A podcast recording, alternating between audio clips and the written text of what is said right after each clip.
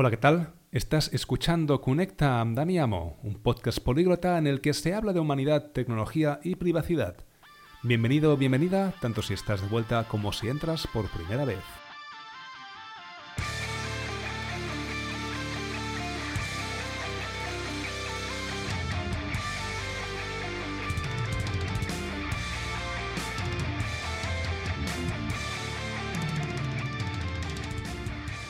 Ya te habrás dado cuenta de que estoy hablando en español. De hecho, en conecta.danielamo.info en sobre el podcast ya lo digo de esta forma abierta. Algunos episodios van a ser en catalán, otros van a ser en español.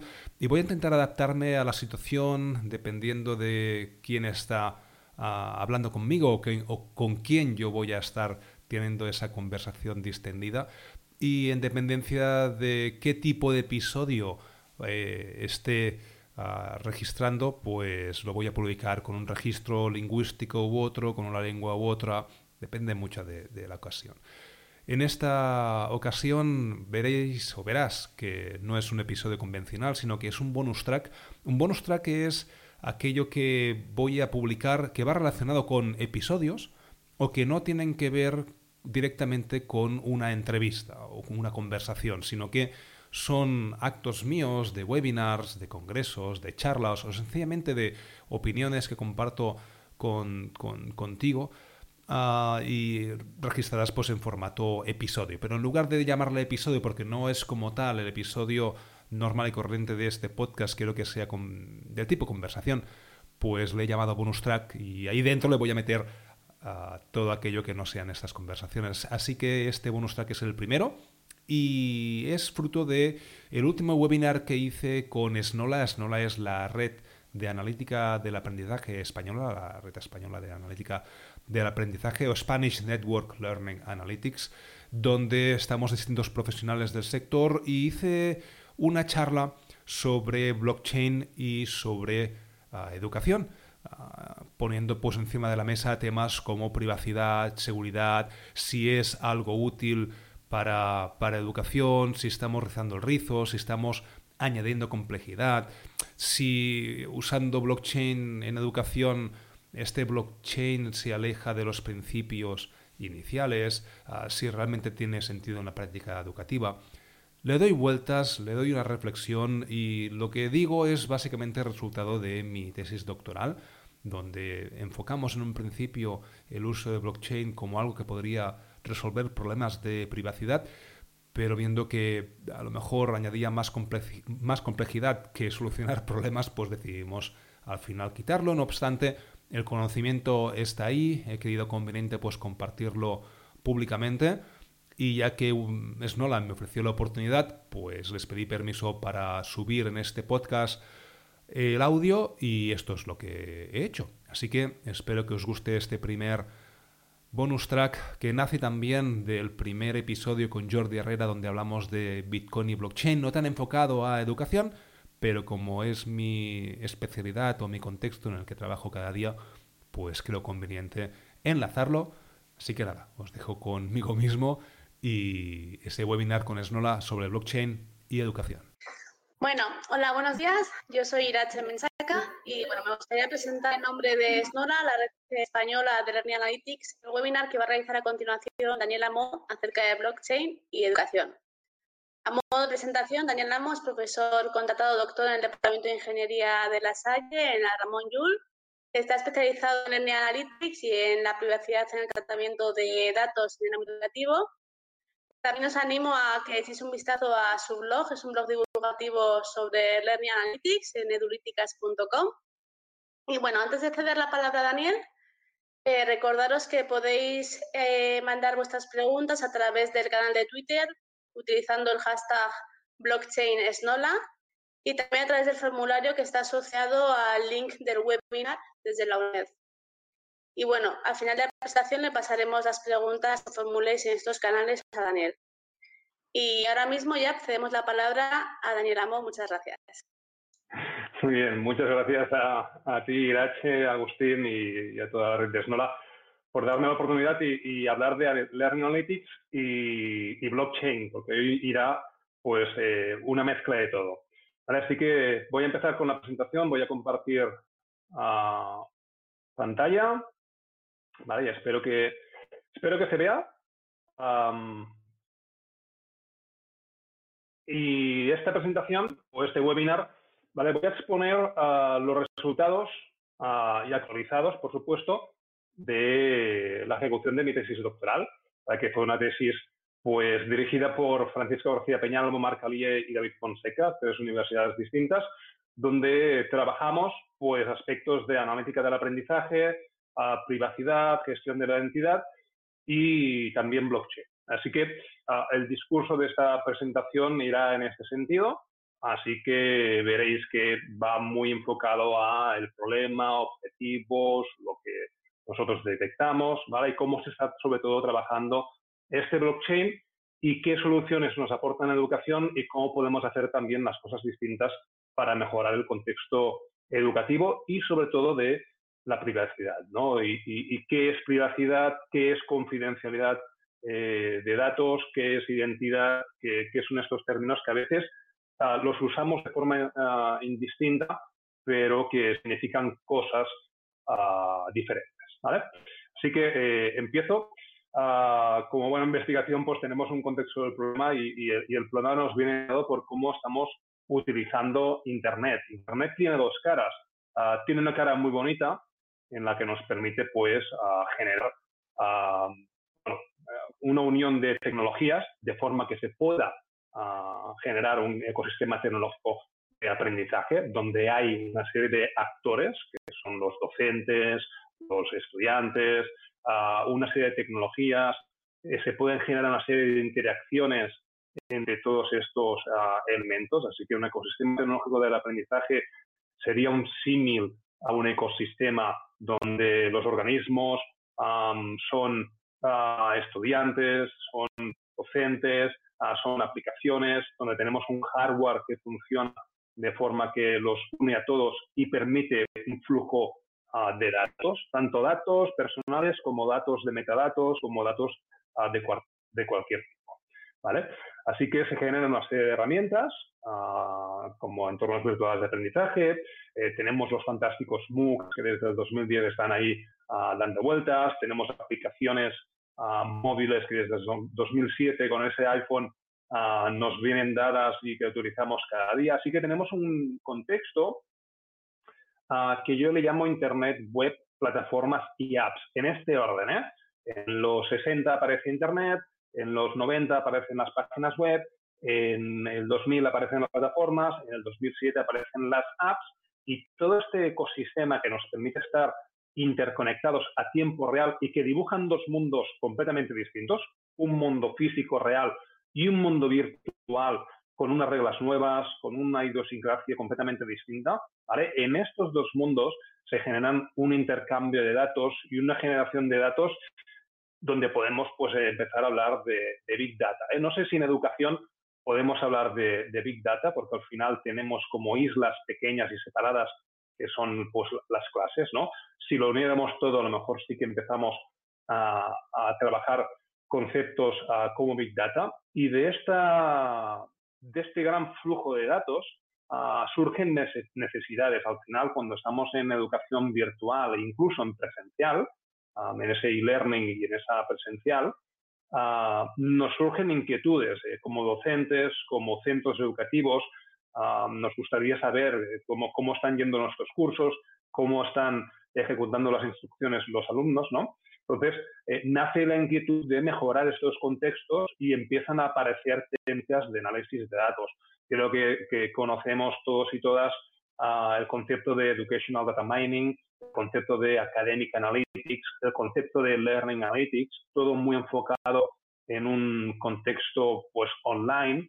Y Learning Analytics pues ah, trasciende a lo físico con ese multimodal Learning Analytics, ya empiezan a haber gadgets que empiezan a, a coger, a capturar interacciones del mundo físico, eh, captura facial, captura corporal, eh, captación de, o medición del el pulso cardíaco, de la sudor, ¿no? Y con todos estos datos, pues empiezan a, generar análisis, se empiezan a generar perfiles de alumnos y empiezan a haber situaciones que cada vez son más propensas a socavar la, privacidad de, los estudiantes.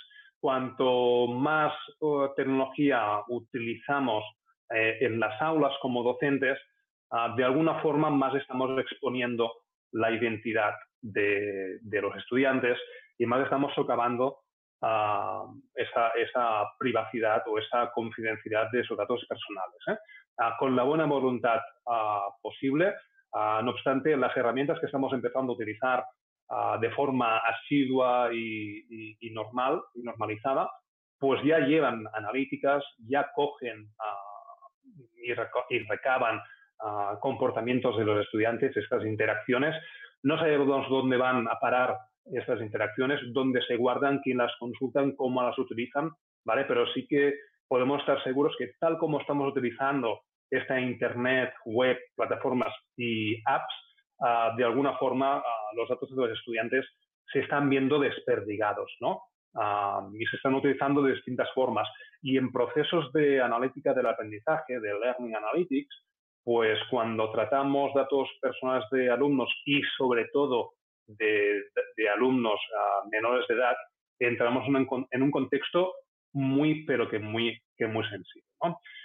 Esto implica pues que eh, los estudiantes pierden el control de esos datos personales. Al final, cuando un estudiante se va a estudiar en un centro educativo, acepta unas condiciones, hay una serie de contratos, unos avisos legales, unos términos de uso, donde se, aceptan unas condiciones de forma unilateral. El alumno no tiene nada que decir. Viene dado, con lo cual yo acepto. Y una de las condiciones es que se pueda ah, capturar la interacción en las plataformas digitales. ¿vale?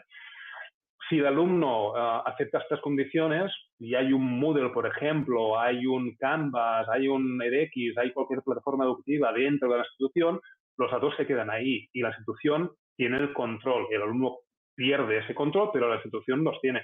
Cuando empezamos a, conectar eh, el entorno virtual de aprendizaje con otras herramientas, eh, estamos dentro de un contexto de pérdida de control de datos personales de, los alumnos. ¿no? Ejemplos de ello, el proyecto In Bloom ¿vale? de la Fundación Melinda Gates ah, cierra porque hay problemas de privacidad. Se comparte la privacidad con los estados ah, de Estados Unidos sin consentimiento de los padres ni de los alumnos. hay malas praxis. Por ejemplo, la compañía Brainwave recolecta información de 1,2 millones de estudiantes, ¿vale? Sin tener definida la política de privacidad y qué va a hacer con estos datos de forma presente o de forma futura. Se están haciendo uso de estos datos recolectados y procesados con técnicas de análisis de datos, ¿vale? De forma no consensuada, no aceptada y no transparente, ah, aquí vemos que Pearson, esta, esta entidad, en enero del 2019, ¿vale? En enero del 2019, se ve hackeada ah, y, se filtran centenares de, miles de, datos, ¿no? Datos personales de alumnos, ¿no? Incluso de menores. Así que tenemos muchos datos por ahí, tenemos muchas herramientas que utilizamos. leer las condiciones, leer eh, los términos de uso, las políticas de privacidad de cada una de estas herramientas conlleva un tiempo que como docentes no tenemos, así que necesitamos docentes preparados pero eh, el, entorno se lee de, la siguiente forma. ¿no? Estamos en un estado de desconfianza. No sabemos dónde van los datos, no sabemos qué va a pasar con estas aplicaciones que los están usando, quién está haciendo uso de la analítica del aprendizaje eh, y quién está manipulando los datos y quién está teniendo acceso a estas estadísticas y resultados. ¿vale? Estamos en un estado pues que todo ah, está como como en proceso de ponerse en su sitio. Si bien es cierto que tenemos una serie de políticas, una serie de marcos legales, al menos aquí en Europa, eh, tenemos este Reglamento General de Protección de Datos, que en el 28 de mayo del 2019 se, em, obliga a, implementar, ¿vale? Y es un, reglamento, no son directrices, es decir, e, es un, reglamento con lo cual se dicen una cosa de, se dicen una serie de elementos que hay que eh, aplicar, que hay que seguir que de alguna forma se tendrían que solucionar. No obstante, estas leyes ah, son más punitivas que preventivas.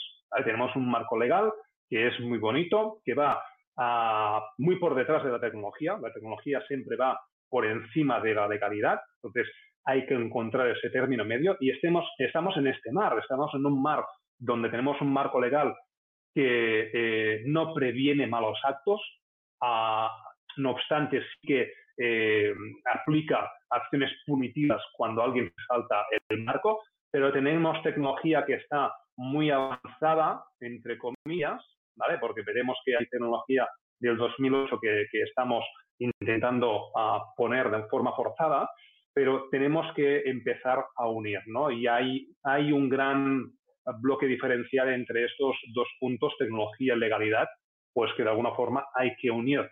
Y la forma de unir estas políticas y marcos legales con la tecnología es, tal como dice el Reglamento General de Protección de Datos, es que la tecnología aplique desde el diseño por defecto ¿vale? Eh, estas políticas. ¿vale? y esto implica pues automatizar estas políticas y esta legalidad dentro de la tecnología.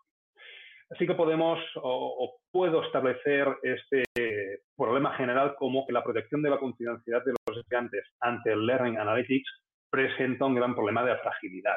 En el momento que aplicamos ah, herramientas con, con, Learning Analytics o este proceso de análisis de, datos de estudiantes, tenemos que, ir mucho, con mucho cuidado en qué herramientas estamos utilizando, dónde se van a guardar estos datos, quién es el que está tratando los datos, quién es el responsable de los mismos, cómo se está compartiendo información, cómo estamos dejando a los estudiantes que sean vigilantes y qué responsabilidad tienen en cuanto a los datos de sus propios compañeros.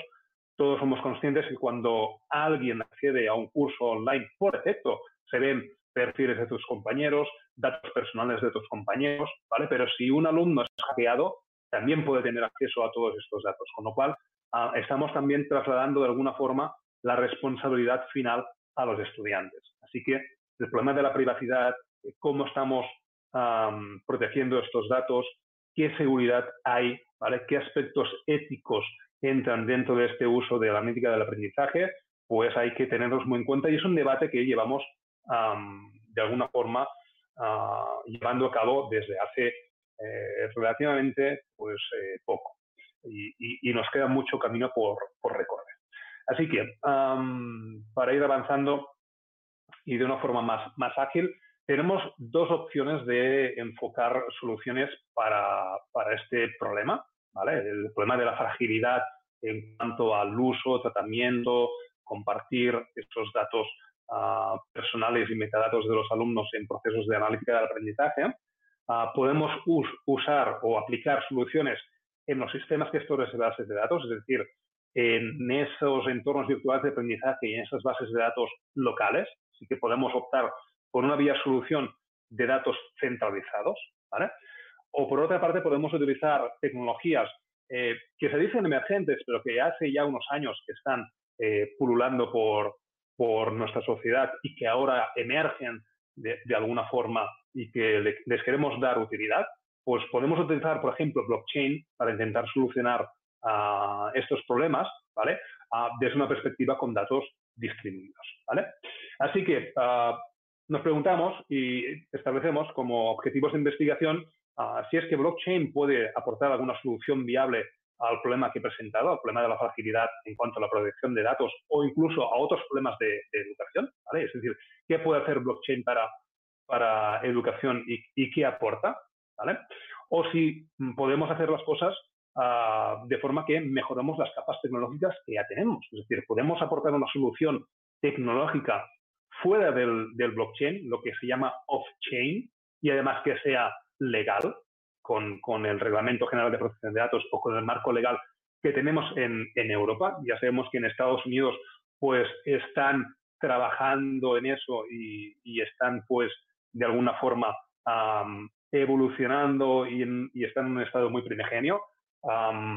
Sudamérica pues está aún muy verde en ese sentido, eh, creo que peor eh, que Estados Unidos. Está todo como, muy disperso Así que lo que hicimos es generar una serie de, acciones de investigación, entre ellas, pues, una revisión sistemática de la literatura focalizada en blockchain, con aspectos de educación, pero también en cuanto a seguridad, privacidad y ley. Así que revisamos distintos artículos y este 2020 pues hemos añadido unos cuantos más para, para ir renovando esta revisión ah, propia de la, de la, literatura en cuanto a blockchain. Así que eh, consideramos eh, casi 40 artículos, podría decir que 40 entre una cosa y otra, de los cuales 21 afectan directamente a educación, 10 afectan directamente a seguridad, solamente 7 afectan a, aspectos ah, de privacidad y en estos 7 podríamos incluso disminuirnos en aquellos que hacen foco en soluciones de privacidad, ¿vale? Es decir, blockchain enfocado a solucionar problemas de privacidad en ah, educación hay menos que siete, ¿vale? Dentro de estos siete hay revisiones de cómo se está haciendo esta privacidad y solamente seis en cuanto a leyes, porque blockchain en cuanto a privacidad y en cuanto a leyes está muy claro, hay poca literatura, quizás, quizás eh, puedo inferir de que está muy claro de que blockchain no está hecho para resolver problemas de privacidad y blockchain no puede ser, no puede cumplimentar la legalidad eh, tal como está formulada en sus orígenes. Voy a, voy a exponer lo que acabo de decir, ¿vale? Así que vamos a entrar, voy a entrar en, los resultados de esa revisión. ¿vale? Ah, blockchain. Blockchain resuelve cuestiones que se pueden resolver con un registro de eventos. ¿vale? Por ejemplo, interoperabilidad entre herramientas, certificación de créditos FTS, certificación de consecución de títulos, certificación de consecución de créditos, certificación de que se ha estudiado en esa universidad, certificación de muchos tipos. ¿vale? Así que Básicamente las, soluciones que encontramos en estas revisiones y revisiones de revisiones es que blockchain, ah, por sus orígenes, ¿eh? blockchain, para, resumirlo claramente, ¿eh? blockchain al final es un conjunto de bloques de transacciones de algún tipo que están enlazados, ¿vale? Eh, unos a otros mediante hashes, que son estas ah, funciones que nos devuelven una cadena, podríamos decir que encriptada. Con lo cual, bloques de mil transacciones o de un número de transacciones, ¿vale? Que están enlazados con distintos bloques dependientes de los anteriores, ¿vale? De forma que si se modifica algún bloque, hay que volverlo a computerizar todo y esto implica que eh, se diga que blockchain sea imposible de modificar los datos que hay dentro, que sea transparente porque todo el mundo eh, tiene una copia de los datos de estas transacciones y se ve y además descentralizado, distribuido porque todos los ah, usuarios participantes de la red blockchain ¿vale? están ah, conocedores de todos los ah, movimientos porque tienen una copia. ¿vale? Además, este sistema funciona porque hay pruebas de consenso donde todos aceptan las normas. ¿vale?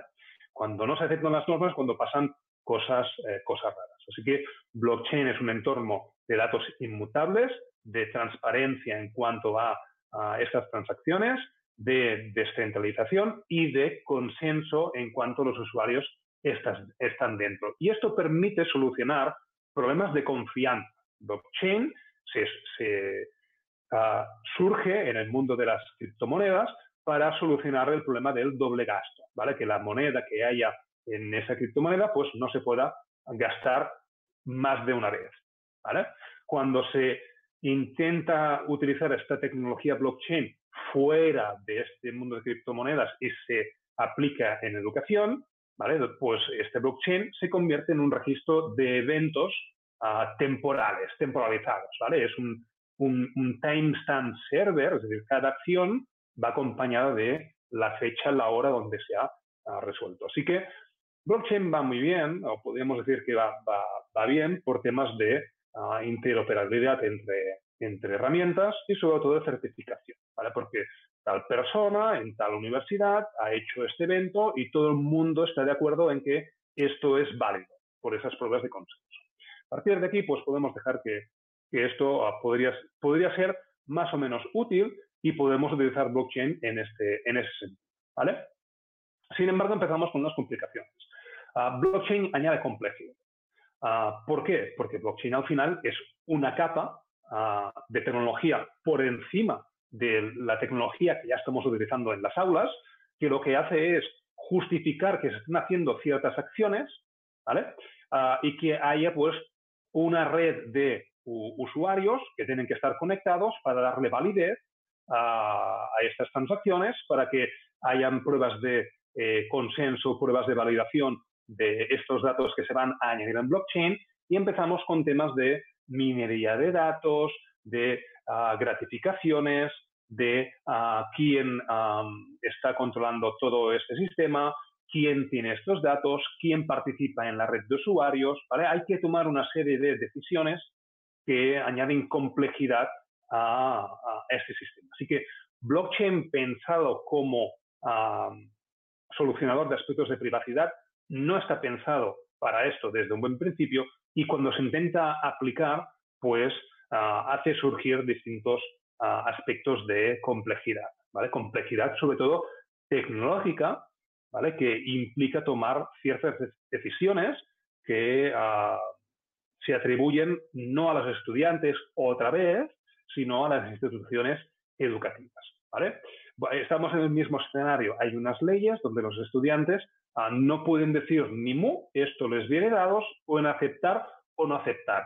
Y cuidado, si no aceptan, los, los estudiantes no pueden estudiar, porque la ley lo que dice es que si hay aspectos que si no se llevan a cabo ah, y se rompe la, la normalidad en esta ejecución, pues hay que aceptarlos sí o sí. Así que la, recolección de las interacciones de los estudiantes, por el tema del Reglamento General de Protección de Datos y las leyes orgánicas de protección de datos que tenemos en, España, pues, pues no, se pueden, no se pueden denegar. Es decir, el alumno no puede objetar, porque si no, no se podría llevar a cabo la normalidad.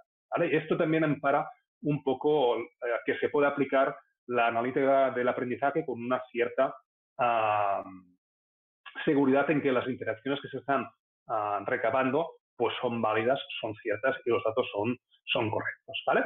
Avanzamos en los resultados que, que, hemos sacado, que, que, hemos visto en estas revisiones sistemáticas de la literatura. blockchain, al final, es, un, ah, es una base de datos muy lenta en, añadir registros, inmutable, ¿vale? con lo cual no se puede modificar lo que hay dentro. Se pueden generar distintas cadenas. ¿vale? Al final, en, un blockchain se generan distintas cadenas cuando ah, se van ah, dando solución a estas, a estas pruebas de computación o estas pruebas de consenso y al final eh, los usuarios adoptan la cadena más larga. Podríamos entrar en temas técnicos de blockchain, pero creo que ahora no es, no es lugar. ¿eh? así que ah, se van generando distintas cadenas, pero de transacciones. Los datos de las transacciones no se guardan en blockchain. Blockchain sencillamente es una base de datos de eventos. Y como tal eh, que es distribuida, no puede guardar los datos, porque si fuera así, estaríamos hablando que, que eh, el libro mayor de blockchain, porque al final es un libro mayor de contabilidad, que puede ser económica o de créditos FTS o de compleción de asignaturas, al ser distribuida, todo lo que hay dentro del blockchain lo tienen todos los usuarios de la red blockchain. Si además guardásemos todos los datos, absolutamente todos, ah, blockchain crecería de forma exponencial y ocuparíamos uh, discos duros enteros de usuarios. Con lo cual, para que blockchain sea funcional, tecnológicamente se están hablando de Merkle trees y, otros tipos de, hasheados, ¿vale? Que facilitan comprimir, pero los datos de las transacciones no están. Sencillamente blockchain indica que eh, ha sucedido tal, tal, tal, tal, acción entre dos usuarios. Hay propuestas donde se pueden guardar datos, hay propuestas pues, que dicen que esto es posible, pero son propuestas, son pruebas de concepto, aunque las demuestren, ¿vale? pero en general los datos no están guardados en la blockchain, sino que los datos están guardados en los sistemas gestores de bases de datos. Y es ahí donde reside el problema de la privacidad y de la seguridad. ¿vale? Yo creo que llegados a este punto es, bueno que, remarquemos que, o que remarque que la palabra privacidad se está utilizando de forma muy genérica y de forma confusa. ¿sí? Ah, hago, hago un inciso. Seguridad está muy claro. La seguridad de los datos es que haya barreras ah, para evitar el acceso a información. ¿vale? Ah, bastionar los servidores, poner firewalls, poner ¿vale? Protocolos para que no se pueda romper eh, el acceso a, los archivos, a la información. A privacidad, pues vendrían dado a, entender que de alguna forma se quiere evitar que haya los permisos mm, de acceso a aquellas personas que acceden a estos, a estos archivos o información, a grosso modo. Pero es que privacidad se está utilizando de forma incorrecta. En las leyes de protección de datos, la palabra privacidad no aparece, porque privacidad es un término anglosajón. Y en anglosajón, la privacidad hace ah, referencia a aspectos de intimidad, ¿vale? Por ejemplo, esos registros médicos que son muy íntimos, que son muy sensibles, ¿vale? Y que se asocia a intimidad y por ende a privacidad, ¿vale? Y ese término anglosajón de privacidad ha evolucionado también a la em, protección y a la confidencialidad de los datos personales. ¿vale? Así que estamos utilizando privacidad y es como lo voy a utilizar a partir de ahora para englobar estos términos de intimidad, ¿vale? y estos términos de confidencialidad de datos personales. Uno hace, hace referencia más a la, a la persona física y otra a la persona digital, ¿no? Así que en las leyes se habla de confidencialidad de datos, protección de la confidencialidad de los datos y seguridad de los mismos.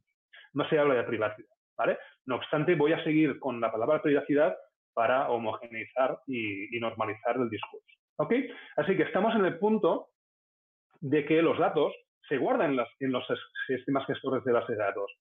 Si los datos se están guardando de forma abierta, hay un gran problema. El administrador eh, accede y puede tener acceso a todos los datos. Ah, si hay una desconfianza con el administrador, pues se pueden generar problemas.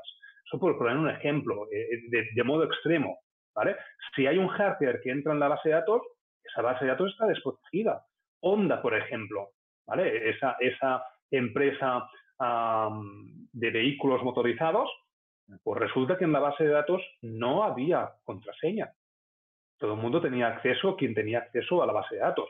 Así que hay que ir con cuidado en, qué tecnologías queremos poner cuando no tenemos la casa arreglada. Arreglemos primero la casa y luego ya podemos empezar a construir. Y la casa que tenemos nosotros, que son entornos virtuales de aprendizaje, ah, pues a veces están desprotegidos. ¿sí? Ah, problemas como, por ejemplo, Pearson.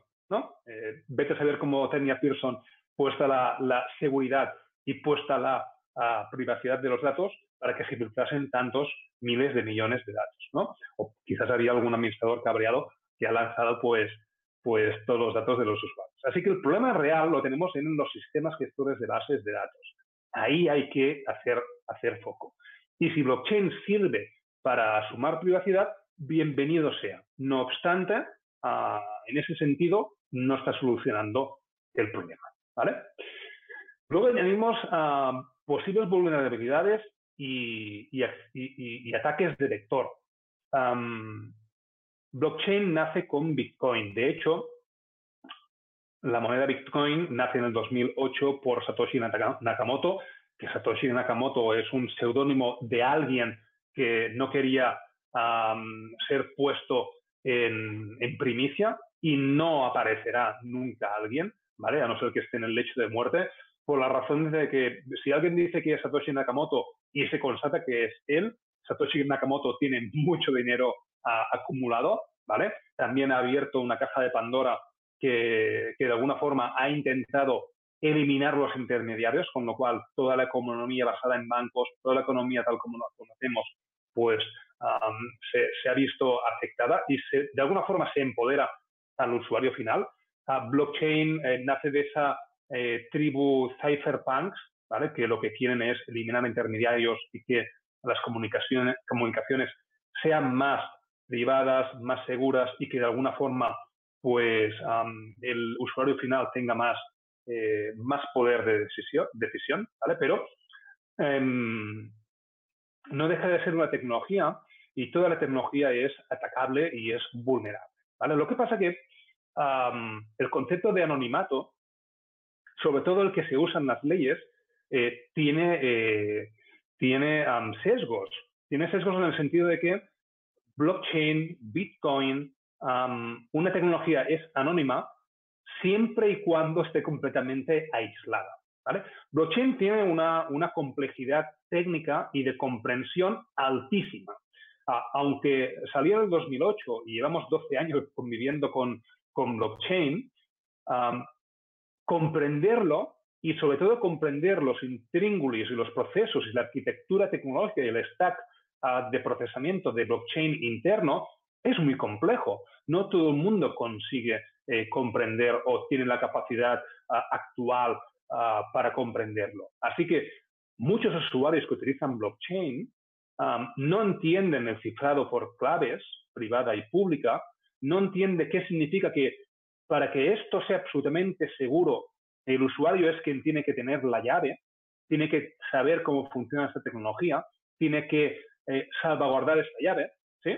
Así que estamos en un mundo eh, criptográfico donde blockchain utiliza claves públicas y claves privadas, y como hay este concepto ah, que es complejo y, los usuarios de estas eh, monedas y estos blockchains, muchos no tienen la capacidad tecnológica para entenderlo, se cede a la gestión a terceros, ¿vale?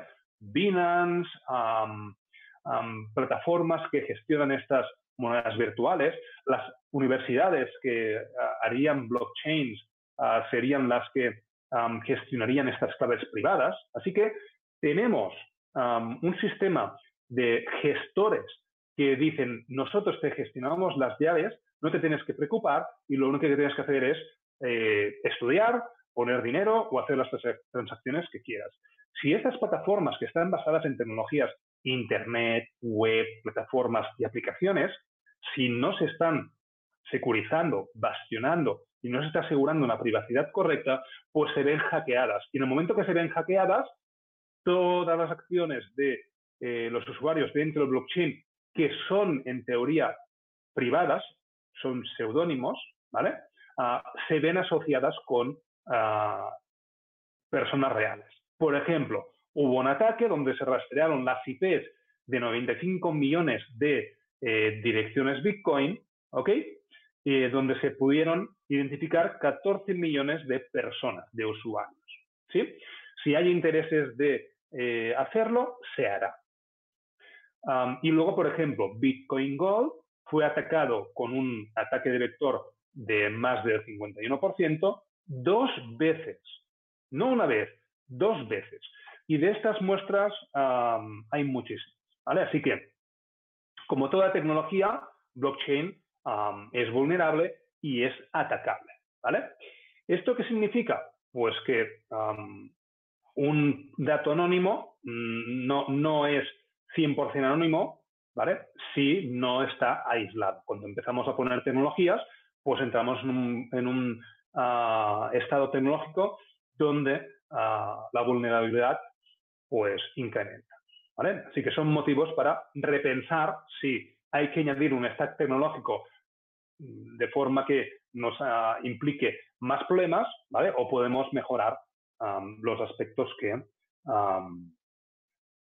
que, tenemos en la mesa, que son los sistemas gestores de bases de ¿vale?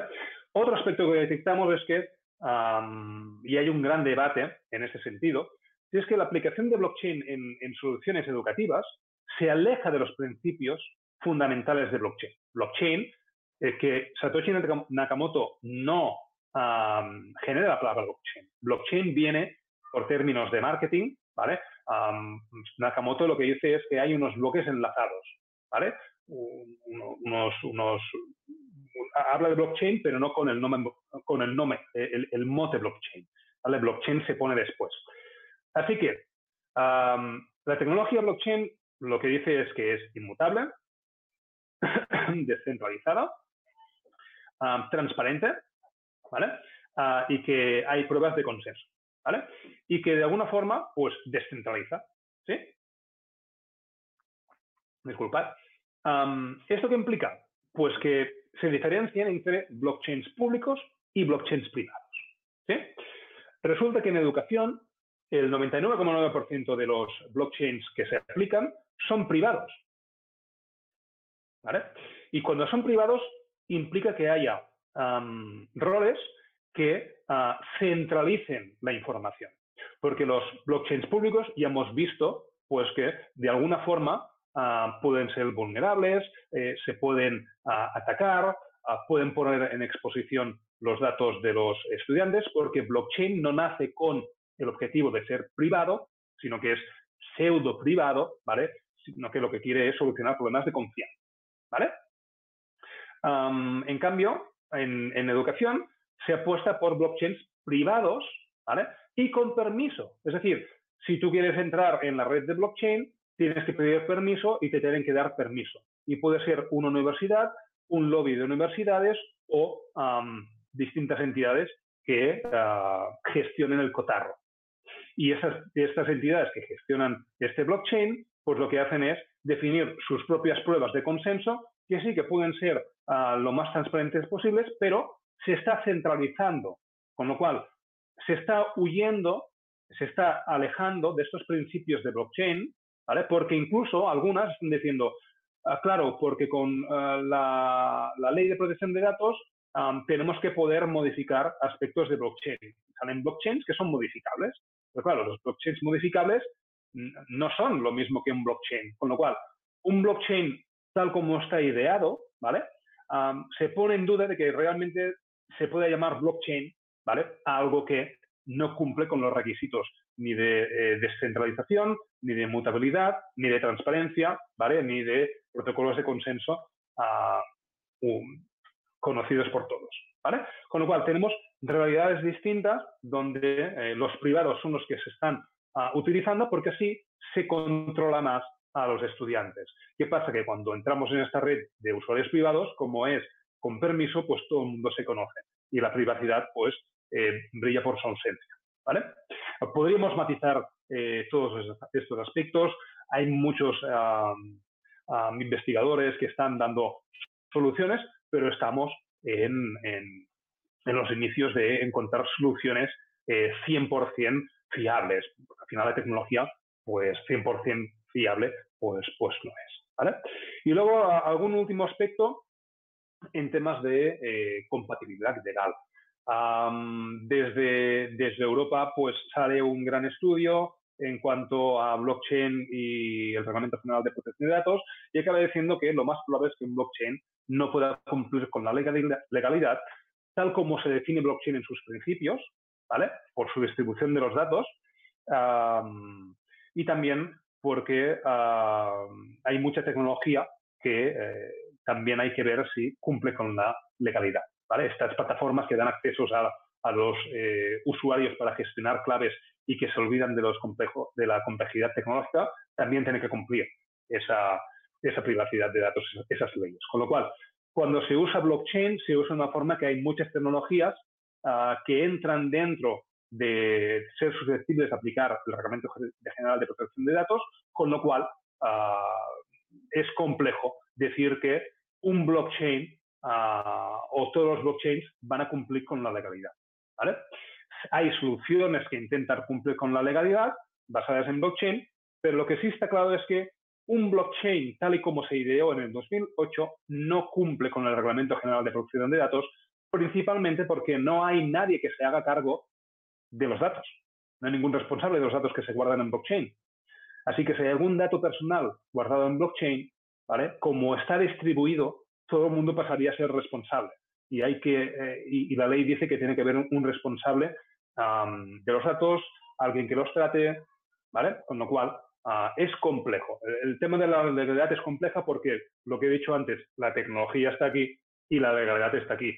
Hay que encontrar un término medio y lo más probable es que la legalidad cada vez sea más flexible. No sé si es un error o no, pero este es el aspecto. Voy a empezar a avanzar rápidamente, ¿vale? y nos damos cuenta que se puede utilizar ah, o mejorar un sistema gestor de bases de datos para atacar problemas de privacidad y de seguridad. ¿vale? Así que ah, viramos nuestra investigación, dejamos blockchain de lado porque hay que eh, matizar muchos aspectos y, creíamos que nosotros podíamos aportar soluciones reales, concretas, a aspectos que ya están sucediendo dentro de los sistemas gestores de bases de datos. ¿vale? A partir de aquí nos olvidamos de blockchain, ¿vale? De hecho, quitamos del título de la, tesis la palabra blockchain y nos centramos en, aspectos del día a día que, podemos solucionar de alguna forma, ¿vale? Así que, conclusión, necesitamos seguridad, anonimato en entornos virtuales de aprendizaje, ¿vale? Y una cierta privacidad. Así que trabajamos en ese sentido. Y, propusimos distintas, distintas soluciones. Algunas como, como políticas de seguridad, otras como política de anonimato. Todo con el objetivo de asegurar una privacidad en la confidencialidad de los datos personales de los estudiantes ¿vale? y reducir esta fragilidad del problema que, he expuesto al principio, ¿eh? el, problema de, de, la desprotección de los estudiantes eh, en, cuanto a, en cuanto confidencialidad de los datos personales en procesos de analítica del aprendizaje. ¿vale? Así que empezamos a, a proponer soluciones algunas de encriptación, ¿vale? algunas de alias en, el entorno virtual de aprendizaje Moodle, porque es el que más se utiliza en España y el que nosotros como investigadores estamos más duchos a, a, tocar en el día a día. ¿vale? Así que nuestra propuesta de seguridad se, se, existe, se propone para evitar exposición de datos ante excesos indebidos. Ah, ¿Qué es lo que proponemos? Pues eh, solucionar los problemas que, están en el día a día. Fijaros, 1,5 millones de estudiantes, ¿vale? De datos de estudiantes ah, han sido puestos eh, de forma pública. 1,5 millones de estudiantes, ¿vale? Esto es en el 2017, ¿vale? 2018, 16.500 ah, datos de... 16.500 borrowers, es decir, personas, ¿vale? Estudiantes que están pidiendo dinero, ¿vale? 2019, ¿vale? 2017 una, 2019 otra, 7 millones de estudiantes expuestos desde CAT12, que ya empezamos a, ver menores de edad aquí eh, por en medio de esa fuga de datos, ¿vale? Con lo cual, estamos hablando de ah, muchos datos de estudiantes eh, expuestos. Proponemos cosas, proponemos codificar, encriptar la base de datos de Moodle, esta opción la hemos llevado a cabo. Tenemos un Moodle funcionando con los datos encriptados. Cada vez que un estudiante hace acceso a Moodle, se, generan unas tablas para este estudiante, se encripta la información. Es decir, hay una tabla de, usuarios, que es de aquí, general, encriptada con estos protocolos. Entra un estudiante, se le generan unas tablas eh, temporales y unas vistas de acceso. Con lo cual, ese estudiante solamente ve una parte de la tabla de estudiantes. Esto está funcionando, esto está ah, ah, siendo funcional, ¿vale? Pero implica que se modifique el código fuente de Moodle. Con lo cual, si hay una versión nueva de Moodle, habría que volver a aplicar el patch, la modificación al código, ¿vale? Aunque es una solución funcional, el patchwork está dentro del código y hay que hacer actuaciones en, cada actualización. Descartamos, ¿vale? Porque puede sobrecargar el sistema con tablas y las contraseñas residen dentro de la base de datos. Con lo cual, un hack de la base de datos tiene algún problema, ¿vale? Luego, lo que ideamos es una solución para extraer los logs. Eso también está funcionando y el código está ah, disponible en GitHub. Ah, lo que hacemos es un plugin que extrae las interacciones de Moodle de forma que esos logs ya no se guardan en Moodle, sino que se exportan en un lugar donde nosotros queramos a través de una API, ¿vale? Y este lugar puede ser encriptado fuera de la base de datos de gestión, ¿vale? Y se puede acceder luego como nosotros queramos, ¿ok? Eso está funcionando y es posible hacerlo, pero solamente estamos hablando de los logs, no estamos hablando de los datos de usuarios, con lo cual la solución anterior ataca a usuarios, a datos de usuarios, y aquí atacamos a las interacciones. Luego nos proponemos un nivel superior, eh, entrando en un, en un nivel eh, de paranoia total, donde ni el administrador tiene acceso a los datos. Normalmente en una institución educativa o una institución tecnológica, ah, la confianza máxima está en el administrador de sistema, en el administrador de base de datos, porque son usuarios que están tocando. Uber, ¿cómo conseguía eh, datos de Twitter? Porque había administradores de Twitter comprados por Uber, ¿vale? Con lo cual, uh, ideamos una solución donde ni los administradores, en el caso de que nos enfademos con ellos y haya mal rollo, pues uh, pudieran acceder a los datos, ¿vale? O no a todos ellos. ¿Qué hicimos? Pues ideamos una serie de APIs dentro de uh, Moodle, de forma que se generara una matriz de acceso a datos, ¿vale? Para cada usuario de Moodle se genera una matriz de, acceso a datos que dice dónde puede acceder este, este estudiante, ¿vale? evidentemente asociada con el Reglamento General de Protección de Datos y las políticas de este Moodle. Y luego es el sistema gestor de bases de datos, un MySQL, por ejemplo, o un Postgre, el que hace una doble comprobación, una segunda comprobación, ¿vale? Se modifica ese sistema gestor de base de datos, MySQL, de forma que cuando recibe una query, una consulta de datos, consulta a la API, ¿vale? De forma que consulta la matriz de acceso de datos y devuelve unos resultados en de si tiene acceso o no, ¿vale? Y si hay accesos indebidos, hay otra API que va logueando aquellos eh, intentos de hackeo o aquellos intentos. Esto es una propuesta de máxima paranoia ¿vale? Donde se quiere que todo el mundo tenga acceso a todo aquello que haya que tener acceso, ¿vale? Y la base de datos, pues habrá tablas abiertas o tablas encriptadas, ¿vale? Pero esto es máxima ah, seguridad, ¿vale? Que descartamos porque eh, requerimos partners que desarrollen esta, esta solución, ¿vale? Así que ah, nos vamos aquí explico pues que, esta solución implica una complejidad técnica demasiado elevada que requiere de un socio tecnológico y nos desviaríamos del, sentido de, esta investigación. ¿vale?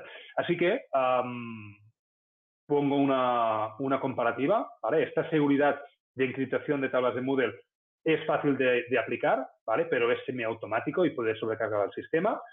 Esta solución sobre extracción de logs aplica seguridad, ¿vale? pero requiere una adaptación porque se modifica el, modelo o el código fuente del entorno virtual de aprendizaje y el Checker es una máxima seguridad, ¿vale? pero también requiere un desarrollo muy complejo. Así que se pueden encontrar cosas, pero como siempre la tecnología uh, no da soluciones uh, claras al 100%. Con lo cual, uh, saltamos a un aspecto relacionado con el anonimato ¿vale? y el uso de alias. ¿Qué quiere decir con eso? Bueno, hay situaciones que consultando y haciendo entrevistas eh, a los distintos partners legales de distintas entidades educativas, esos, esos perfiles legales, nos comentan que hay situaciones que suceden muy poquito, que suceden y que se entienden como excepciones, pero hay que tenerlas en cuenta y que ahora mismo no se están teniendo en cuenta, que son situaciones muy sensibles, situaciones de violencia de género, situaciones de ciberbullying, ¿vale? Situaciones donde hay personas que no pueden ah, tener su identidad pública, policías, por ejemplo, entidades o, personas públicas ah, que no pueden ser visas en ciertos entornos educativos, tienen que preservar su anonimato, ¿vale? Pero principalmente eh, las más sensibles son estas, ¿no? Eh, violencia de género y ciberbullying. Entonces, ¿Cómo podemos proteger a estos estudiantes? Imaginemos la situación de que en un mismo curso hay el atacante y el atacado. Mm, no pueden convivir en el mismo ecosistema, ¿vale? Eh, no podemos eh, duplicar clases y, dar clases personales, ¿vale? se complica, ¿vale? Entonces, encontramos una solución muy sencilla. Y esta solución, ¿vale? Eh, es, se llama alias. colocar un alias a un usuario de Moodle entra dentro de la legalidad porque eh, la RGPD, el Reglamento General de Protección de Datos, permite que haya unos seudónimos, que la información esté pseudonimizada, con lo cual podemos asignarme un alias a estos usuarios y con lo cual aplicamos esta solución y la, y la informatizamos, la automatizamos. Es lo que comentaba antes de que las leyes de alguna forma, para que dejen de ser punitivas y pasen a ser preventivas, pues de alguna forma hay que automatizar estas leyes eh, por diseño y por defecto, tal y como dice la ley. ¿eh? Con lo cual, pues ah, generamos unos procesos de, ingeniería, ¿vale? De forma que el estudiante hace una solicitud de anonimato al delegado de protección de datos, que recibe gestiona esas solicitudes. Si da lugar, ¿vale? Pues se pasa a gestionar estos alias de usuarios, de forma que para este estudiante se le asigna este alias, es decir, se le asigna una segunda identidad que tendrá acceso a estos, a estos cursos. Con lo cual, un estudiante podrá acceder de forma anónima con una segunda identidad a, los cursos donde requiera ser anónimo. El estudiante recibe esta aceptación, recibe los alias y puede documentar. ¿Que no aplica esta solicitud? Pues nada, se denega y se funciona normal. Este alias se vería de esta forma en plugin. ¿vale? El delegado de protección de datos o Data Privacy Officer, que es como le llama a Moodle, ¿vale? vería las peticiones que pueden estar pendientes o pueden aceptar, ¿vale? Por ejemplo, por problemas de género requiero ocultar mi perfil de usuario. Se pone en contacto, se revisa si acepta o no El delegado de protección de datos para cada estudiante puede ver un resumen de las peticiones y puede ver eh, a, qué alias. Están asignados este, este estudiante, puede asignar nuevos alias, puede enrolar este alias a nuevos cursos. Esto es, estos son pantallazos, ah, hay funcionalidades hechas, hay otras que habría que ah, pasar a, desarrollos con, con, socios tecnológicos, ¿vale? Ah, pero se ha, hecho esa prueba de concepto y, esto es funcional. La comunidad educativa lo acepta, ¿vale? Es decir, estos desarrollos, este proceso eh, de, ingeniería se desarrolla después de consultar, realizar encuestas, realizar eh, entrevistas a administradores de Moodle, a, delegados de protección de datos, a la comunidad Moodle. Esto se, se valida, con lo cual eh, en, el momento que se da la luz verde se desarrolla, ¿vale? Y, y tiene tal aceptación esta propuesta y este desarrollo que en, la, en el encuentro de la Moodle Mood eh, internacional, la Moodle Mood Global del 2019, en el noviembre pasado, eh, se nos permitió ah, presentar esta solución, Porque es una solución válida que incluso Moodle encuentra muy interesante que se comparte con la, con la comunidad, ¿vale? aquí el delegado de protección de datos pues tiene mm, permisos ah, y gestión eh, Total, y luego el estudiante de su perfil tiene una opción que se llama alias users, ¿vale? Y luego cuando entra en esta opción, tiene John Smith, ¿vale? Que en este caso sería, por ejemplo, yo, Daniel Amo, aquí tendría todos mis alias eh, asignados, estas segundas identidades, ¿vale? Y dándole un solo clic, conectaría con este estudiante a los cursos que tendría, pues, acceso, ¿vale? Termino ya Así que, como conclusiones de, todo este, este, discurso, ¿vale? Ah, podemos decir eh, que no hemos podido ¿vale? validar esta tecnología blockchain para dar una solución viable 100% a este problema, ¿vale? al problema de la privacidad de los estudiantes, porque al final en el sistema gestor de base de datos es donde está ese, ese gran problema de estos datos abiertos que hay que asegurar. ¿vale? Ah, ¿Podemos decir que se puede aportar una solución off-chain? Sí, porque hay un Protected Users, que es este plugin que acabo de mostrar, ¿vale? Que acabo de mostrar y que es aceptado por la comunidad educativa y también por Moodle, ¿vale? Así que, como conclusiones finales, yo lo que estoy viendo es que estamos usando blockchain como martillo en busca de clavos, ¿sí? Estamos, de alguna forma, queriendo solucionar problemas con blockchain que a lo mejor ah, no deberían ser solucionados con blockchain y nos encargamos en que sea así, ¿vale? Y que eh, hay problemas reales y excepciones reales que afectan a usuarios y personas reales, y que se deben solucionar y se deben y se pueden resolver en los entornos virtuales de aprendizaje y sistemas gestores uh, de base de datos. Así que gracias por escucharme. Voy a cancelar esta, esta presentación ¿vale? para dar paso a, a Irache y posibles preguntas que hayan surgido. Así que muchas gracias por darme la oportunidad para hacer la presentación. Muchas gracias, Daniel. Eh, bueno, Agustín Caminero también estará por ahí eh, vigilando un poco las preguntas que han salido a través del formulario de la UNED, ¿vale? Eh, yo te comento, a través de Alejandra Martínez, que es la Alejandra Martínez Mones, que es la coordinadora de, la red SNOLA. Comenta, gracias por la charla, Daniel.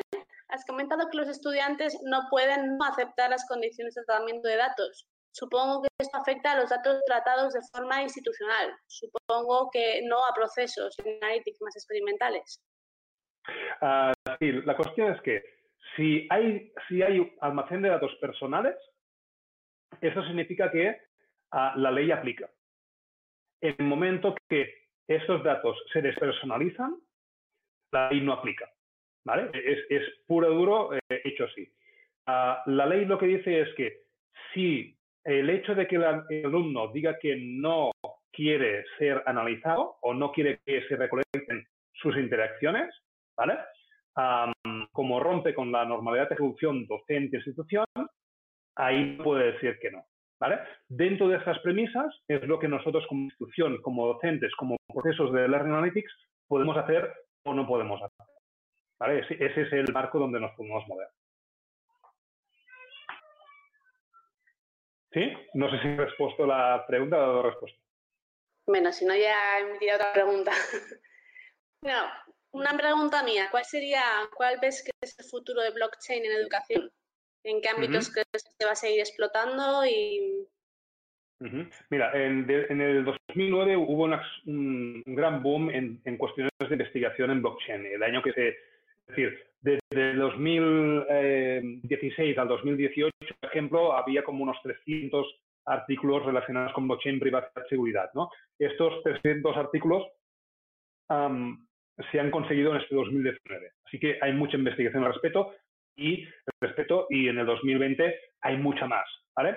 Ah, pero se está, se está moviendo siempre sobre el mismo concepto, la certificación, ¿vale? Cómo puedo validar, etcétera, etcétera. Pero en términos de privacidad, no se está tocando nada. Así que blockchain, que es un, es un registro de eventos, uh, puede ser muy útil para, para, resolver problemas de este tipo. ¿no? Es decir, tal persona ha hecho eh, tal cosa y con lo cual eh, todos estamos de acuerdo y como estamos de acuerdo lo guardamos eh, por consenso. ¿vale? Así que yo creo que blockchain en ese sentido va a haber muchas más soluciones. ¿vale? No obstante, estamos en, en un momento que blockchain se está encontrando.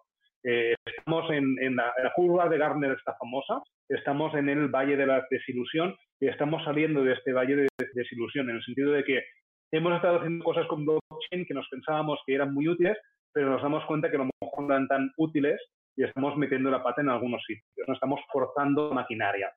Así que estamos saliendo, estamos empezando a, a encontrar esta, estas soluciones yo creo que en cuestiones de de certificación va a ser muy válido.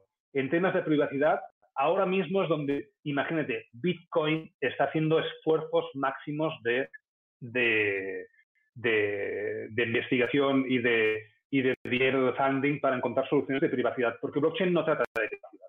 ¿vale? Así que yo creo que al final, cuestiones de privacidad, blockchain no va a tocar, ¿vale? Y si toca, será precisamente para certificar acciones de, usuarios, ¿vale?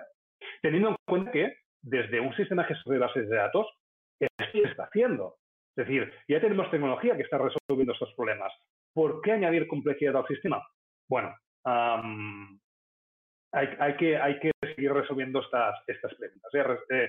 Eh, eh, tenemos que tener en cuenta que blockchain en temas computacionales pues gasta mucha corriente. Hay muchos temas que hay que, acabar de resolver. Y si se aplica a líneas futuros, yo creo que va a ser más bien como, como Tambering, como certificación.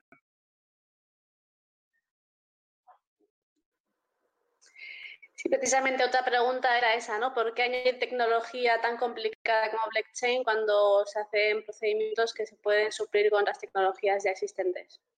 Exacto, exacto. Estoy totalmente de, acuerdo. A lo que pasa es que nuestra perspectiva inicial de la investigación hace ya casi cuatro años, pues cuando empezamos, seguimos, la, seguimos la línea, la tendencia de todo el mundo, ¿no? O blockchain super guay, vamos a aplicar, ¿no? A, ver qué podemos solucionar, ¿no? Y nos dimos cuenta de que el prisma, el prisma no es ese, sino que vamos a repensar por qué tenemos que añadir otras tecnologías y quizás lo que tenemos ya es útil y hay que darle una evolución y mejora.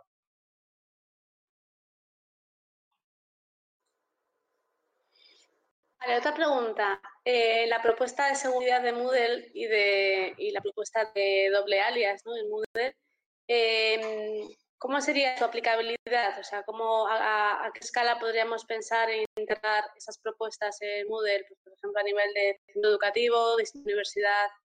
¿Cómo de fácil y cómo de fácil para un docente, por ejemplo, llevarlo a cabo? Vale.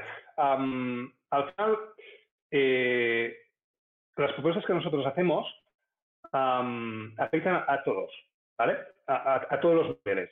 Estudiantes, docentes, administradores de plataformas, delegados de protección de datos, directores, principales, a todos. Con lo cual nos entrevistamos con distintas personas de estos niveles, hicimos encuestas masivas a estudiantes, nos dimos cuenta que había un consenso en el uso de estas, de estas eh, herramientas, ¿vale? La más útil de todas, la más fácil para todos, ah, es eh, la última que, he presentado, el Protected Users, donde se permite asignar alias de usuarios. Eso es un plugin que está hecho, esto es funcional, ¿vale? Ah, evidentemente ah, hay partes que se, podrían mejorar, ¿vale? Tendría que entrar alguien a, acabar de afinar ciertos aspectos, pero la funcionalidad básica de asigno un alias a un usuario y el usuario puede acceder con esta segunda identidad y ser anónimo, esto existe, ¿vale? Desde el punto de vista del docente, el docente lo que nos dice en estas entrevistas es que, por favor, seamos conscientes de que haya este usuario, porque si no, aspectos de evaluación, de seguimiento, de tutoría, no lo podría hacer bien. Otros docentes, en cambio, dicen que ah, muy bien esta opción porque nos da pie a hacer role-playing, ¿vale? hacer una serie de actividades que antes no son posibles. El tema de administradores les preocupa mucho el tema de que ah, la solución sea ah, no plugin, ¿vale? Si es un plugin mejor porque lo instalo y lo desinstalo cuando quiera, con lo cual es muy fácil. Si es un tema de modificar código, ya empezan a poner pegas, ¿vale? y el tema de que sea ah, un plugin, les preocupaba el hecho de la continuidad. Moodle, por ejemplo, está lleno de plugins fruto de ah, tesis doctorales. ¿vale? Entonces, yo que me encuentro en la misma tesitura, uh, uno de los objetivos de la tesis doctoral pues es buscar partners tecnológicos que puedan dar continuidad a eso. ¿vale? Porque al final Moodle es un entorno abierto donde ah, da pie a que sucedan estas cosas. Entonces, el delegado de protección de datos nos hizo dos observaciones muy interesantes. Lo que estamos nosotros haciendo es definir una política y estamos dando automatismo a esta política con este plugin. el de la protección de datos acepta este plugin, lo ve una buena solución. Sin embargo, apunta que la, opción más segura es que no haya ningún tipo de relación entre el alias y el estudiante, porque este plugin, al final, hay una tabla que relaciona el identificador del estudiante y el identificador de alias. Si se hackea, ya se sabe quién es quién. Esta política es funcional 100%, ¿vale? O 99,9% si se lleva en papel. Si hay un papel que diga, a este estudiante le toca este alias. Este papel se le dice al administrador, ¿vale? Dame de alta este alias. Y se le envía un correo al estudiante diciendo, tienes este alias de aquí. En la base de datos de Moodle no hay relación, con lo cual si hay un hacking, pues se verán dos estudiantes, pero que no hay relación entre sí. ¿vale? Lo que he dicho antes, ah, las soluciones no son 100% perfectas. ¿vale? La perfección está cuando aislamos el problema y las soluciones. Pero como todos estamos de alguna forma unidos, creemos que esta solución de plugin es la mejor de todas.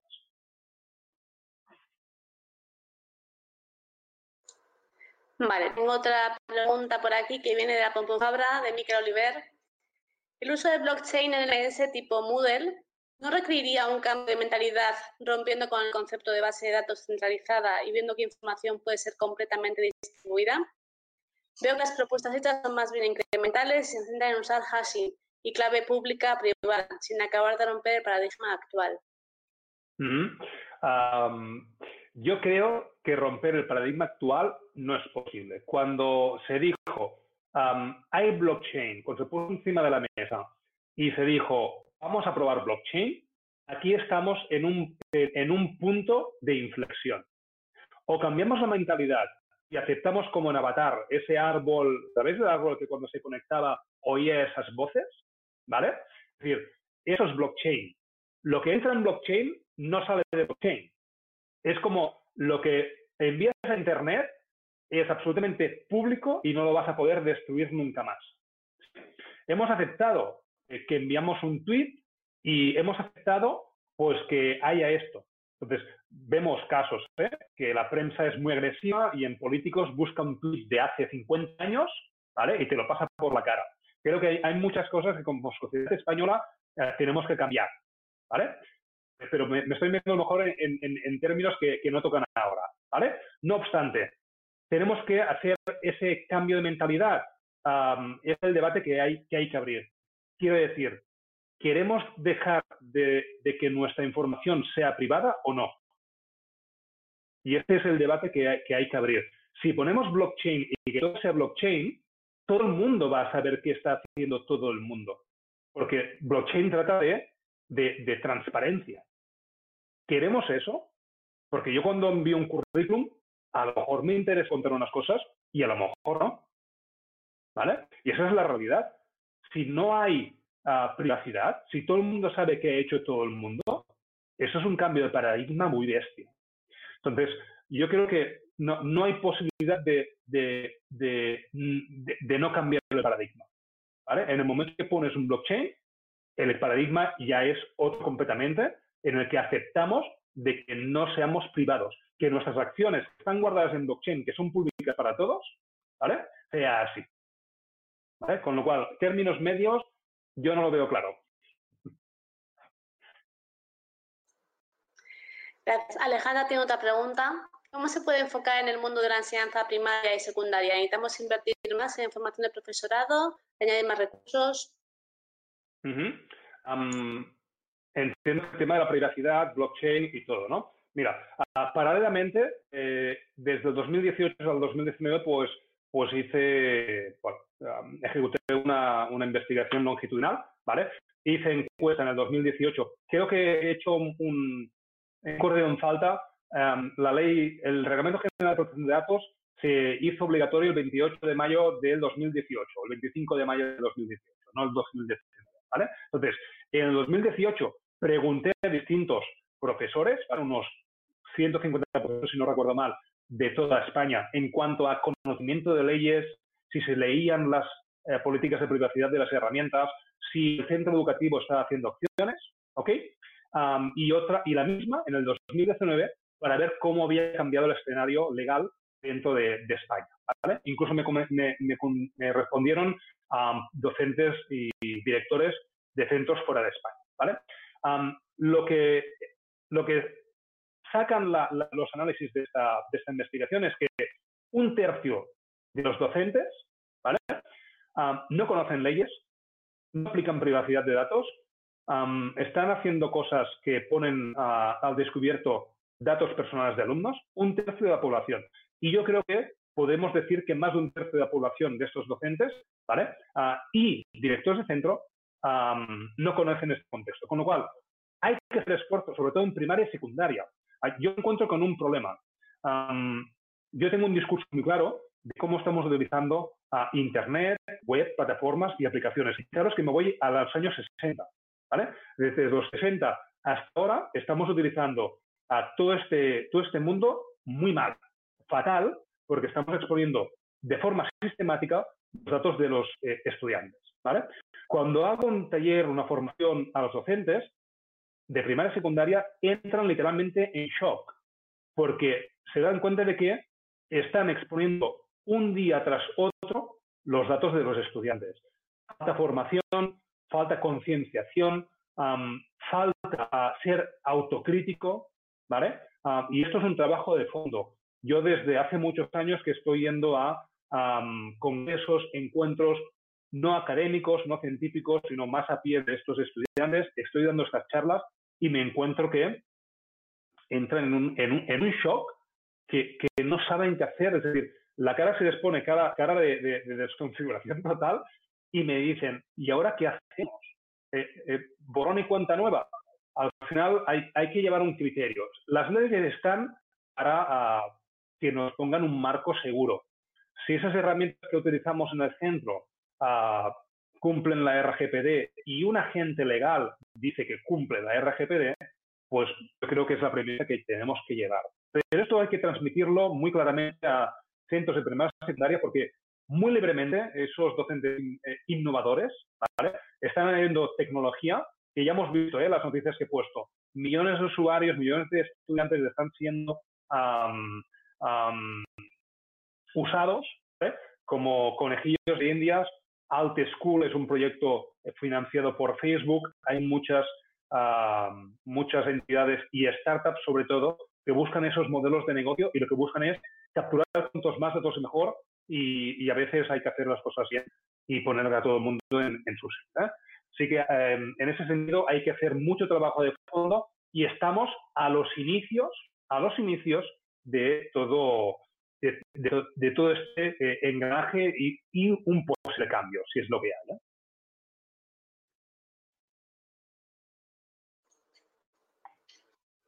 Otra pregunta de Alejandra. Estamos viendo muchas violaciones de privacidad de datos eh, con el paso de la enseñanza virtual de la noche a la mañana en estas semanas. ¿Qué se puede aprender de todo esto?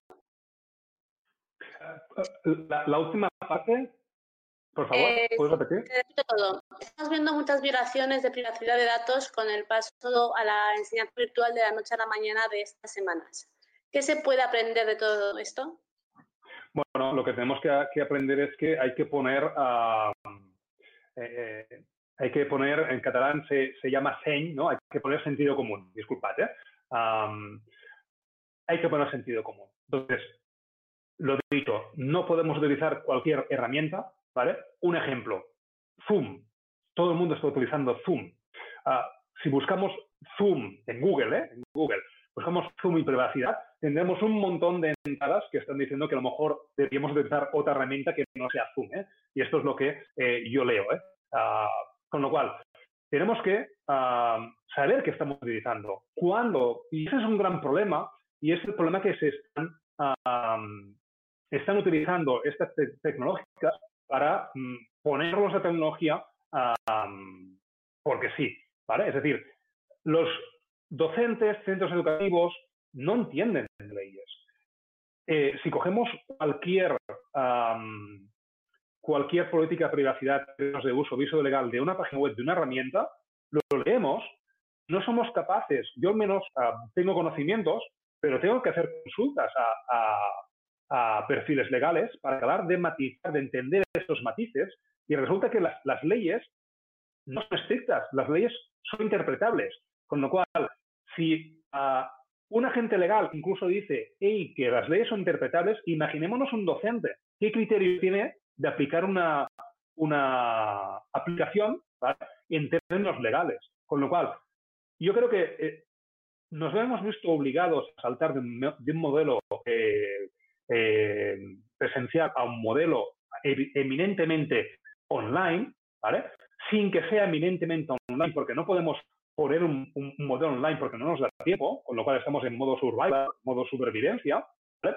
Lo que no podemos hacer es volvernos locos y empezar a coger cualquier herramienta porque hay alguien que está diciendo que le, que le es funcional. ¿vale? Tenemos que recurrir a las herramientas institucionales y si no se utiliza esa herramienta, no se utiliza. El hecho de que esté la tecnología no significa que la tenemos que utilizar. Eso es, algo que a, veces no nos planteamos. hay tecnología que quizás no deberíamos utilizar nunca, porque es contraproducente, sobre todo aquella que socava la privacidad, ¿vale? Con lo cual, hay tecnología, pues a lo mejor hay que utilizarla. ¿Y quién nos puede decir? ¿Quién mejor que el director de centro que está en conjunción con el agente legal y nos va a decir qué es lo que podemos hacer, qué es lo que podemos no, qué podemos utilizar y de qué forma? Por ejemplo, en principio, cualquier herramienta se puede utilizar siempre y cuando no haya datos personales. Cualquiera, porque no afecta la ley de protección de datos. En el momento que ponemos un nombre de usuario, que es tan fácil como poner el número de la lista. Tú pones número y ya está. ¿Vale? Ah, en el momento que ponemos un nombre de alumno, un apellido, entra la ley de protección de datos y empezamos a preguntarnos dónde están estos datos, a qué país se transfiere, a qué nivel de seguridad. Hay cosas internas como está guardada la base de datos, está encriptada on-rest, eh, hay datos, quién tiene acceso, con quién se comparte, se comparte con terceros, hay un nivel de profundidad muy bestia, ¿vale? que esto, yo creo que todo docente debería trasladar la consulta al, al director. Hoy, director, directora, ¿puedo utilizar esto de forma segura? ¿Qué directrices hay? ¿Vale? Y que haya una transversalidad de centro y que no haya dispersión. ¿okay? Aunque ya sé que es complejo. ¿eh? Yo he sido eh, profesor de primaria y secundaria durante más de ocho años, así que también sé las complejidades burocráticas y, cómo funciona el tema. ¿eh? Al estoy en la universidad lo veo de otra perspectiva, pero soy consciente de que son entornos complejos, muy burocratizados y que a veces no es fácil, con lo cual hay que tomar tiempo, perspectiva y sentido común.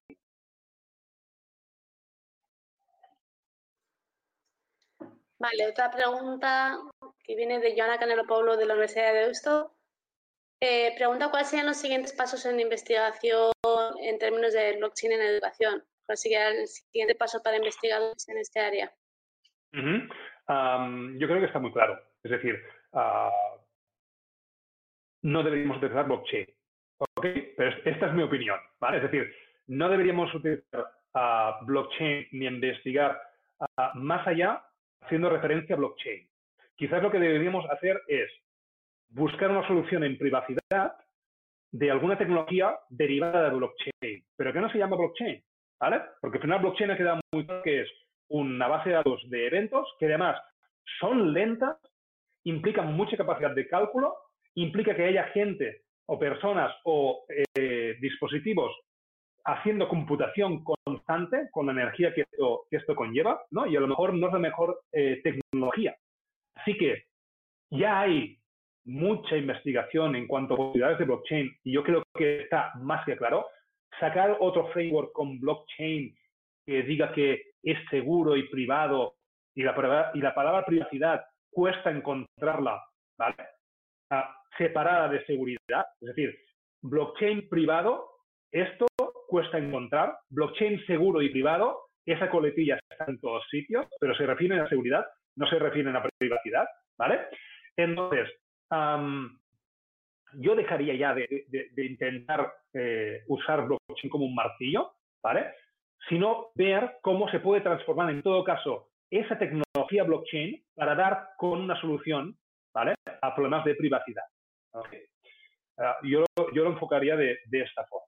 Y, si, y, hablar claramente si es necesario eh, utilizar esa tecnología. Que yo creo que esa pregunta eh, cuesta de hacerla, ¿vale? Es decir, lo que decía antes, hay una tecnología, ¿en realidad tenemos que utilizarla? ¿Qué es lo que tenemos ahora eh, en relación a, esto nuevo, entre comillas, y si vale la pena utilizarlo? Ese discurso yo creo que habría que focalizarlo. Focus groups, eh, no sé, ir por aquí.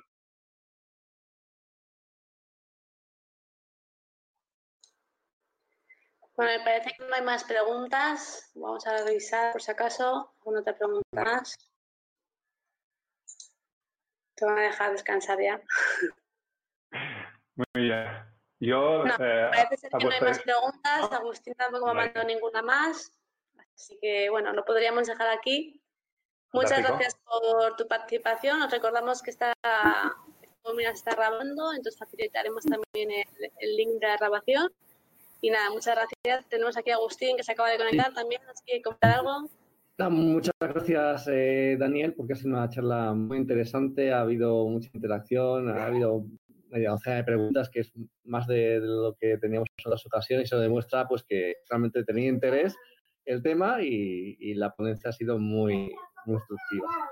Nada, simplemente muchas gracias eh, a todos y nada más. Eh,